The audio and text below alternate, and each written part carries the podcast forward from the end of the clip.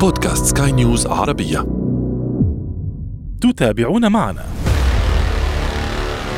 يغرم هذا السائق الذي يقف على كتف الطريق أو في نهر الطريق لمجرد النزول والنظر إلى هذا الحادث.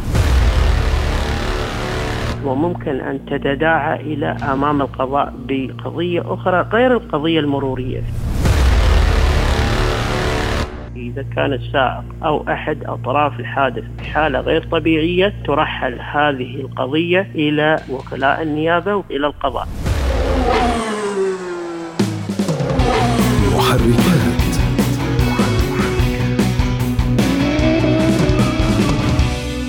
أهلا بكم مستمعينا في محركات برنامج البودكاست الذي يهم كل من يقود أي نوع من المركبات أو حتى يجلس فيها. نحن هنا نهتم بتقوية ثقافة المركبات لديكم وفي كل حلقة نفتح أحد الملفات ولا نغلقه قبل أن نصل إلى نتيجة وتوصيات. أعده وأقدمه لكم أنا أشرف فارس عبر أثير سكاي نيوز عربية.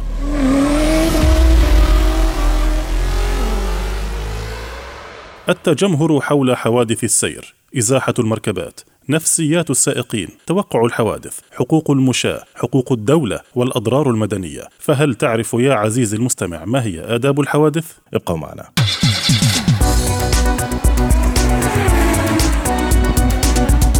أهلا بكم مرة أخرى. كما أن للقيادة آداب وأخلاق، هناك آداب أخرى حتى عند وقوع الحوادث، فكما يقول المثل في الشدائد تظهر معادن الناس، وفي الحوادث تظهر معادن السائقين، والراكبين والمشاة المشاهدين. المتجمهرون حول حوادث السير سامحهم الله، في أعناقهم ربما حوادث أخرى بعيدة عن الموقع، لا يعرفون عنها أو يتظاهرون بذلك أحيانا، وحالما يسمعون صرير العجلات وصوت الاصطدامات المتتالية تأتي من بعيد يشيحون بوجوههم وكأن لا شأن لهم. عدم إزاحة المركبات من عرض الطريق بسبب نزاع على أضرار وخدوش سطحية هو سبب آخر لذلك، وأيضا هو عين الأنانية بالمناسبة. التفاهمات الشخصية بين طرفي الحادث بعيدا عن القانون هل هو مكسب فعلا للطرفين أم يضعك في زاوية صعبة؟ فإذا كنت من هؤلاء يا عزيزي ابق معنا لنتعرف على آداب الحوادث المرورية ذوقا قبل أن يكون قانونا. ولكي نسمع رأي الاختصاص نستضيف معنا عبر الهاتف العميد جمال العامري المدير التنفيذي لجمعية ساعد للحد من الحوادث المرورية في أبو ظبي. أهلا بك سعادة العميد. السلام عليكم أخوي أشرف حياك الله. حياك الله وبياك. سعادة العميد. الكثير من الناس لا يعرفون ما ماذا يجب أن يفعلوا عند الوقوع في حادث، يرتبكون، هناك من يقول أبلغ الشرطة، هناك من يقول صور الحادث، هناك من يتصل بأخيه، نعم. الكل يرتبك. دعنا نبدأ خطوة بخطوة، ماذا نعم. يجب أن أفعل بداية عندما أتعرض أنا لحادث سير أو أكون أنا طرفا في حادث سير؟ نعم، أول شيء أقول بسم الله الرحمن الرحيم مع تمنياتي للجميع بالسلامه على الطريق في حلهم وترحالهم. لابد أن نعرف قبل أن نصف الحادث المروري. هناك في حادث مروري بسيط وحادث مروري بليغ. الآن نحن بصدد الحادث المروري اللي هو البسيط والذي نحن بصدده بخصوص تحريك المركبات من مكان الحادث لدرء أي من الأسباب التي ممكن أن تقع بحادث مركب آخر. وهنا نقول للسائقين وكافة مستمعينا الكرام الأجلاء على أساس أن لو قد لو لا قدر الله حصل الحادث المروري البسيط. لابد من تحريك المركبة على الفور من بعد تفقد الأضرار التي ممكن أن تقع لكلا المركبتين. وأيضا للاطمئنان على منهم من قد لا قدر الله قد أصيب في هذا الحادث ولو بإصابات بسيطة.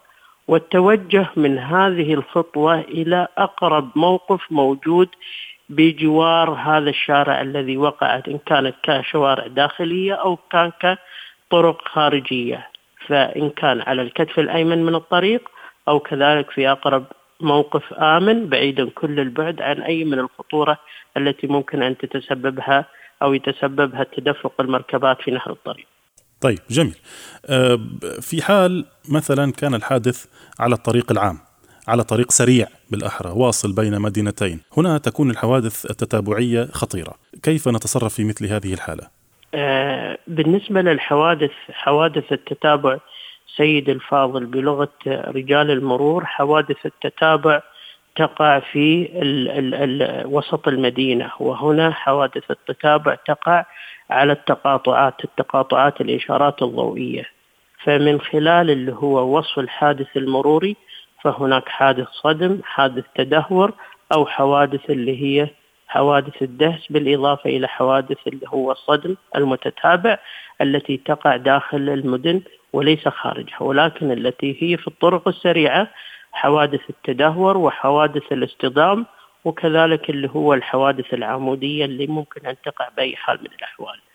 فمن خلال الحوادث التي تقع على الطريق فهنا تتشكل من شدة الحادث المروري على مستوى السرعة التي قد تصل من بعد ال 100 كيلومتر أو ال 120 كيلومتر أو ال 140 كيلومتر ونهاية بال 160 كيلومتر. فهذه الحوادث توصف بالحوادث البليغة في أضرارها إن كان على السائق أو المرافقين أو كذلك بالنسبة للأضرار الأضرار بين المركبات التي ممكن أن تشترك في الحادث المروري وهناك أيضا خلاف بالنسبة للحوادث التي موجودة بالضبط فهنا ممكن يكون أكثر من طرف مثل ما تفضلت ولكن هناك اللي هو الحادث الطبيعي في الأجواء الصحوة اللي هي حوادث الصدم على الطرق الخارجية طيب أنا سأعود لك بعد قليل عن أخطاء السائقين خلال الحوادث أنت ذكرت منها نقطتين لكن آه، نقطة أنت قلتها الحوادث العمودية ماذا تعني؟ الحوادث العمودية ممكن أن يكون هناك تقاطع ما بين يعني اللي هو مداخل ومفارق الطرق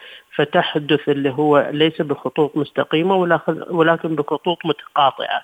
يعني على سبيل المثال أن هناك دخول من من طريق فرعي إلى طريق رئيسي ومن طريق رئيسي إلى طريق فرعي. فهذه الحوادث قد تقع اللي هي الحوادث العمودية تمام. طيب آه نقطة أخرى. أخطاء الجماهير الذين يتجمهرون حول الحوادث وحتى نعم. السائقين الفضوليين أنت تقود نعم. مركبة وترى أمامك ازدحام شديد طويل عريض خط أحمر قاني على الجوجل مابس نعم. و... وفي النهاية تكتشف أنه ليس هناك ما يعطل السير سوى أن هناك حادث موجود على كتف الطريق بعيد عن نهر الطريق والناس تتجمهر للفرجة كانوا سائقين أم كانوا مشاة آه، صحيح. ما تبعات ذلك؟ لابد أن نعرف أن المشرع الإماراتي في دولة الإمارات العربية المتحدة من خلال قانون السير والمرور واللائحة التنفيذية لهذا القانون بالإضافة إلى جدول الغرامات التي تنص المادة التي موجودة فيه برقم 74 من هذا القانون في جدول الغرامات والتي نصها عرقلة حركة السير بين قوسين التجمهر أثناء حوادث السير وغرامتها تقع على الجمهور بأي منهم اللي هي بقدر ألف درهم إماراتي. يعني يغرم هذا السائق الذي يقف على كتف الطريق أو يقف في نهر الطريق لمجرد النزول والنظر إلى هذا الحادث يتم اللي هو تحرير مخالفة بقدر ألف درهم إماراتي. وهنا نوجه اليوم الجهات الرسمية أو سلطة المرور أو دوريات المرور أو رجال الأمن الذين موجودين في هذا الموقع ليس فقط بصدد اللي هو تحريك المركبات التي موجودة ومعرقلة لحركة السير. اليوم قد تقع من خلال هذا التكدس بالنسبة للمركبات التي متوقفة ويترجلون السائقين أو من هم يرافقهم إلى النظر أو اللي هو التطفل على هذا المشهد من الحادث المروري إلى حدوث أيضا حوادث مركبة. نحن نسميها حوادث مركبة أسفرت ونتجت عن الحادث الأساسي والذي هو وقع في وقت سابق. فمن هنا ممكن أن تقع الإصابات أو كذلك تصل إلى حالات الوفيات وقد حدثت حالات وفاة نتيجة هذا التجمهر وكذلك أيضا والأدهى والأمر من ذلك أن كذلك بالنسبة للمتجمهرين من السائقين قد يكونوا بعكس اتجاه الطريق الذي به الحادث المروري وليس في نهر الطريق الأساسي للحادث المروري. يعني كلا المسارين ممكن أن يكاد أن يقف وقوف نهائي بسبب هذا التجمهر. طيب آه، نكمل من هذه النقطة. المتجمهرون أحيانا قد آه، لا يكون خطأهم فقط في الوقوف والنزول نعم. من المركبة بعضهم نعم. يعني يتعمد الإبطاء لكي يصعب الإثبات نعم. عليه يعني بمعنى وكيف يمكن أن يسبب ذلك حادثا أنا أقول لك مشهد رأيته بأم عيني. في بعض الأنفاق التي تكون قصيرة وليست طويلة نفق قصير الدخول والخروج إليه سريع سرعة النفق عالية 100 كيلومتر تقريبا آه عندما يخرج السائق من النفق مدى الرؤية الأفقية لديه لا يكون واسعا جدا فيتفاجأ بأن هناك سائق أبطأ سرعته من 100 إلى 40 أو إلى 60 لكي ينظر إلى الجهة المقابلة لحادث. هذا مشهد رأيته بأم عيني. هل هناك من إجراء قانوني من إثبات يمكن إثباته على هذا السائق الذي توقف؟ لا يتو... عفوا لم يتوقف بل أبطأ متعمدا بشكل مبالغ به دون السرعة الدنيا المسموحة في الشارع، يعني شارع سرعته 100 ليس مسموحا لك أن تقود بأقل من 60 أو 80 على حد علمي. نعم. البند القانوني الذي ينص عليه العقوبة أو اللي هو تحرير المخالفة المرورية في أن السائقين ممكن يمكنهم أن يترجلوا أو يقفوا وقوف تام. أما بالنسبة لحالة المسيرة التي موجود بها أي من المركبات التي تعبر على هذا الحادث المروري لا قدر الله ليست هناك من تبعيات قانونية ولكن تلقى المسؤولية على الدوريات المتواجدة في هذه الأثناء في تلك المنطقة لتحريك مسار هذه المركبات التي ممكن أن تبطئ تبطئ حينا أو تستمر في المسير بوتيرة أعلى من السابقة. فهنا تقع المسؤولية على عاتق الدوريات المتواجدة. طيب أعود مرة أخرى لتجمهر الجماهير المشاة. عندما يحدث حادث كبير وسط المدينة آه، يبدأ الناس بالتجمهر حول الحادث. بعضهم للنظر بعضهم يحاول المساعدة. وإن كنا نعم. لا ننصح بموضوع المساعدة دون نعم. علم. آه، نعم. هؤلاء الأشخاص إن تجمهروا في مكان خاطئ على تقاطع طرق على سبيل المثال يمكن أن يفاجئوا سائقا ما. تمام؟ كان كان في حالة سرعة. آه ويمكن أيضا أن يتسبب بحادث تتابع في على بعد حتى عدد كيلومترات عن. موقع الحدث الأصلي. هل هناك تبعية قانونية على هؤلاء على المشاة؟ اولا آه، دعني آه، أتحدث بصدد الجمهور الذي ممكن أن يتواجد في هذه الأثناء ويترجل لغرض. عدد من الأغراض اللي ممكن أن ينفذها هذا الجمهور أو التجمهر الذي ممكن أن يقوم اولا بتصوير مثل هذه المشاهد بالنسبة للحوادث المرورية التي قد تقع وذلك بصدد إن كان أحد المتابعين من مواقع التواصل الاجتماعي لزيادة عدد متابعيه أو كذلك مراسل صحفي توافق وجوده مع وجود هذا الحادث المروري ويتم أيضا تغطيته للسبق الصحفي. كذلك أيضا ممكن أن يكون له مآرب أخرى وهو ما شاهدناه في كثير من الأحيان بالنسبة للتجمهر قد يؤدي إلى بعض ضعاف النفوس إلى سرقة مال أو أجهزة أو وثائق أو حلي. كذلك أيضا من الجمهور من هو ممكن أن ينشر الإشاعة والبلبلة بين الأسر وذلك خاصة في حوادث الحافلات المدرسية أو الحجيج ببث اللي هو التصوير الذي ممكن أن يصل من خلال البرامج أو التطبيقات المختلفة إلى أهالي وأولياء وأمهات وآباء هؤلاء الصبية أو الصغار. كذلك أيضا بالنسبة للجمهور ممكن أن يدمر مسرح الحادث المروري والتي تحتاجها السلطات في رفع أنقاض وكذلك اللي هو ملابسات الحادث المروري. كذلك منهم من هو يضاعف إصابة الضحايا في الحادث المروري بدون أي دراية أو خلفية طبية بالنسبة لطب الحوادث المرورية على الطرقات أو الإسعافات الأولية. كذلك عرقلت وهنا المربط الفرس عرقلت جهود رجال المرور والدفاع المدني. لماذا الدفاع المدني؟ وذلك أثناء إخراج المحشورين وخاصة وأدقق عليها وخاصة من النسوة التي تكون في المركبات بحيث أن نحن نضطر إلى دفع هؤلاء الجمهرة أو الجمهور من الأفراد ووضع حاجز إن كان كساتر من القماش أو ما شابه ذلك لكي تتم اللي هو عملية الإنقاذ أو الإخراج بأريحية ودون إحراج لتلك النسوة التي ممكن أن تكون محشورة في وضع غير يعني لائق إنسانيا بالنسبة للحادث الذي الذي قد وقع في حين أنهم هم دون اكتراث ويتم تصوير مثل هذه المشاهد المشاهد في بعض الأحيان.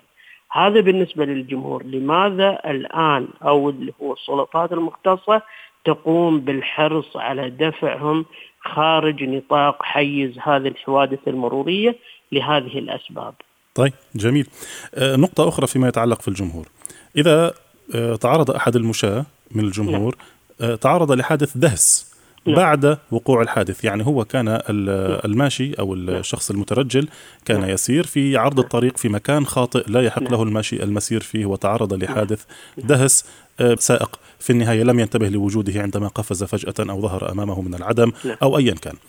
هل يعتبر الحق هنا على السائق أم على الشخص المترجل؟ لابد أن نعرف وهنا بصدد نحن حادث يسمى اللي هو الحادث المركب حادث بعد الحادث الأساسي أو الرئيسي. من هنا إن كان حادث صدم أو حادث دهس أو حادث تدهور. وهنا كذلك أيضا ليس فقط ممكن أن تتعرض أو يتعرض هم المشاة أيضا تتعرض أيضا دوريات المرور أو رجال المرور أو رجال الأمن أو رجال الدفاع المدني لمثل هذه الحوادث. ولكن نحن بصدد الآن هذا المترجل من المشاة والذي هو وصل إلى موقع الحادث من دون اللي هو المناطق التي تسمح فيها المرور. فهنا التبعات على المشاة من خلال اللي هو عدم التزامه بالمنطقة الذي هو متواجد فيها وكذلك أيضا بالنسبة لمسؤولية السائق. وهنا ترفع كل هذه الحيثيات إلى الجهة الجهات القضائية لأيضا تحديد المسؤولية بشكل كامل وتحميل المسؤولية إن كان للسائق أو كذلك بالنسبة للمشاة أو المدهوس في آن واحد وليس المسؤولية فقط المسؤولية مسؤولية المشاة لا تنطبق المسؤولية ما بين السائق الذي هو غير منتبه من خلال عبورة في منطقة الحادث المروري وكذلك بالنسبة للمشاة الذين ترجلوا في مناطق ممكن أن تهدد حياتهم وحياة الآخرين. طيب سأعود لك بعد قليل في نقطة الحق العام لكن دعني هنا عند نقطة الحقوق الجنائية عند نعم. لو لو نشب شجار أو تلاسن بين نعم. طرفين نعم. أو كان الحادث ربما آه، يبدو وكأنه مفتعل أو يبدو وكأنه ناتج عن نعم. تعاطي الخمور أو الكحول. أحسن. أحسن. فمتى في هذه الحالة يمكن أن يعتبر قضية جنائية أم لا؟ لا لابد أني أنا أفصل. دائما لما أتكلم على الحادث المروري وإذا كان السائق أو أحد أطراف هذا الحادث بحالة غير طبيعية تنقل وترحل هذه القضية إلى أن تكون ما بين يدي وكلاء النيابة وكذلك ترحل إلى القضاء. لأن الحكم في هذه القضية خاصة في قضايا التعاطي أو في قضايا اللي هو في حالة أحد السائقين في حالة غير طبيعية لابد أن تكون هناك الحل أو الكلمة الفصل إلى القضاء. هذا الجزء. الجزء الآخر الذي ممكن أن يكون من جانب جنائي فإذا اتضحت الصورة من بعد اللي هو حيثيات الحادث المروري لأن الحادث المروري نحن نعتبره قضاء وقدر ليست جناية أو جنحة.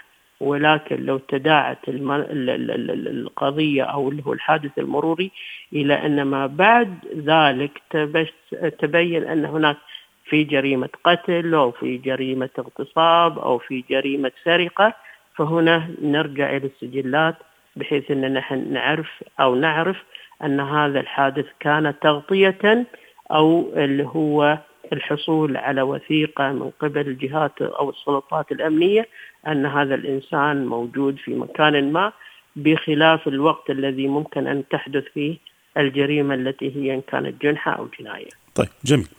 الأضرار المدنية حقوق الدولة.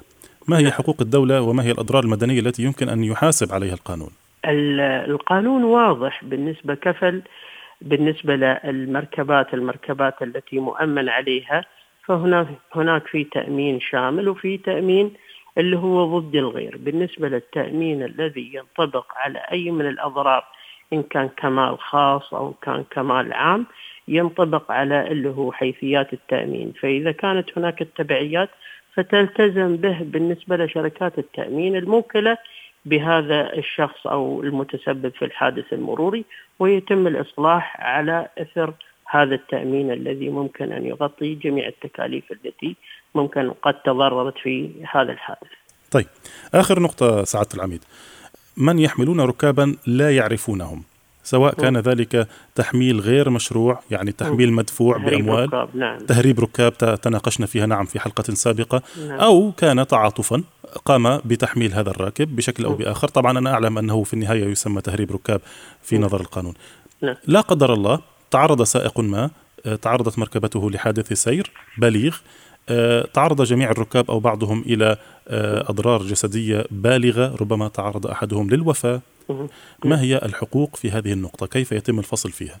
الحقوق واضحة بغض النظر عن العلاقة اللي ممكن أن تكون موجودة في آه، الأفراد اللي موجودين في المركبة. ما دام هناك الحمولة الحمولة أو عدد الركاب التي تتوافق مع ما نصت عليه إن كانت عدد أفراد المركبة أو عدد ركاب المركبة اللي ممكن أن يكونوا فيها فهذه لا لا لا غبار عليها.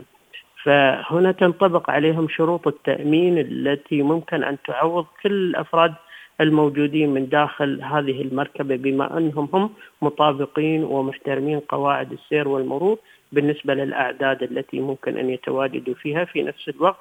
اثناء وقوع الحادث المروري. نعم، لكن فيما لو تم إثبات أن كان هناك عملية تهريب ركاب أن كانت هذه العملية مدفوعة، هل ينقلب الأمر؟ أم هل يرفض التأمين التعامل معه؟ أم لا ما أعتقد أن بالنسبة للموضوع هذا إذا دخل الموضوع ك بالنسبة للعملية الشائكة القضائية هذه يحول إلى إلى إلى النيابة وإلى اللي هم القضاة فهم يبثون. ولكن ال ال ال الواضح من خلال مثل ما ذكرت لك في حالة غير طبيعية أو في حالة سكر لا الموضوع يكون ما بين القضاء. أما مسألة اللي هو ما دام الالتزام بالشروط الموجودة بأعداد الركاب وبأيضا يعني أنهم هم متواجدين متى يقع الخلاف سيدي؟ يقع الخلاف إذا كان هناك شبهة في من هو كان يقود هذه المركبة. ففي هذه الحالة شو ما الذي يحصل؟ يحصل أن يتم رفع البصمات من خلال مقود المركبة ويتم أيضا أخذ البصمات لهؤلاء إن كانوا متوفيين على أساس إثبات من هم من السائقين الذي كان في هذه المرحلة لأن في أحيان كثيرة ممكن أن يكون بعض السائقين لا يحملوا رخصة السوق إطلاقا ويحدث الخطأ ويتوفوا على إثر الحادث المروري الذي كان سببه إنسان لا يحمل رخصة سوق إطلاقا أثناء وجودهم داخل المركبة. طبعا وهنا يتم يختلف الموضوع كليا. نعم. طيب أنا أشكرك جزيل الشكر. هذه الحلقة كانت جميلة جدا ومثرية. أشكرك مرة أخرى. كنت معنا العميد جمال العامري المدير التنفيذي لجمعية ساعد للحد من الحوادث المرورية في العاصمة الإماراتية أبو ظبي. شكرا لك سعادة العميد. شكرا لك أستاذ فارس. أشكرك جدا. محركات.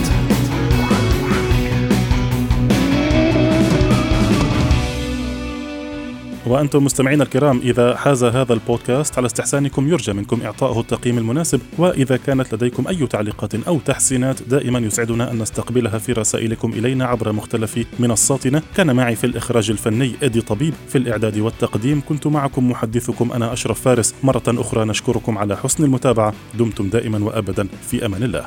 مع السلامة. محركات.